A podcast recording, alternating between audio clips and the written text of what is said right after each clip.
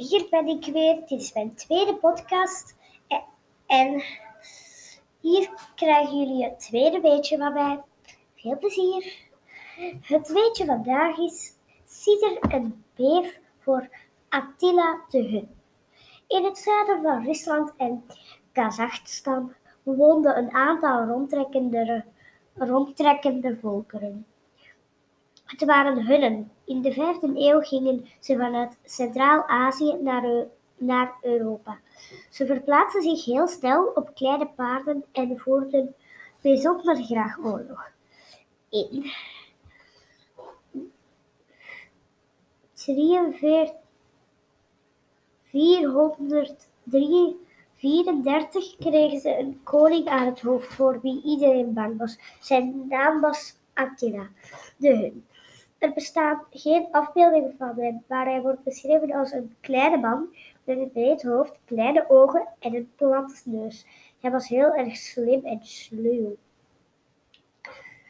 Attila op het paard. De mensen uit, Oost, uit het Oost-Romeinse Rijk hadden een hekel aan Attila omdat ze veel belastingen aan hem moesten betalen. Dat deden ze natuurlijk niet graag. Bij zijn onderdanen zou Attila wel geliefd zijn. Heel wat stammen sloten zich aan bij zijn leger. In 451 probeerde de hoofdman ook het West-Romeinse Rijk op de knieën te krijgen. Hij werd gestopt door een leger van Romeinen, Franken en Visigoten. Uiteindelijk trok Attila zich terug. Waarschijnlijk was de pest uitgebroken in zijn kamp, waardoor zijn soldaten bij de bosjes stierven en hij niet meer kon aanvallen. In 453 trouwde Attila met een jonge vrouw. Hij stierf tijdens zijn huwelijksnacht.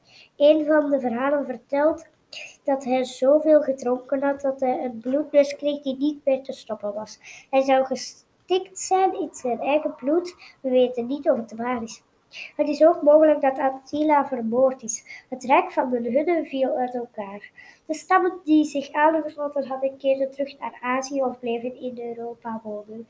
Zestien jaar na Attila's dood was van zijn rijk niets meer over. Ik ga er nog eentje lezen. Hè? De Chinezen hadden een speciale munt om hun kinderen terug te kopen. In China stond de tijd natuurlijk ook iets stil rond 100, 1600 voor Christus kwam de Shang-dynastie aan de macht met keizer Tang aan het hoofd. De vorige keizers waren tirannen die zich niet met de gewone mensen bezighielden, maar Tang was anders. Hij werd een rolmodel over voor alle volgende keizers van China. De keizer bedacht zelfs iets bijzonders voor de armste mensen. Zij hadden tijdens de hongersnoden vaak hun kinderen als slaven moeten verkopen. Tang liet een speciale gouden munt maken waarop een merkteken stond. De mensen die hun kinderen verkocht hadden, konden de munt gebruiken om ze terug te kopen. De munt diende alleen daarvoor. Hier een muntje, koning Tang en de speciale munt. Keizer Tang zorgde ook voor betere landbouwmethodes, waardoor er minder hongersnoden waren. Er konden meer mensen gevoerd worden. Zo werd de tijd vrijgemaakt voor andere zaken, zoals het bouwen van grote steden en het maken van bronzen wapens en kunstvoorwerpen.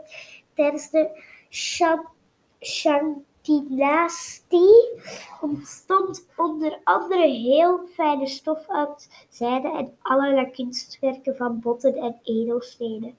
Er werd ook een speciale zonnekalender gemaakt met hulp van een waterklok en een zonnewijzer. De Shang-dynastie bestond tot 146 voor Christus en werd opgevolgd door Zhou-dynastie. Zhou-dynastie. Zoutdynastie. Dag.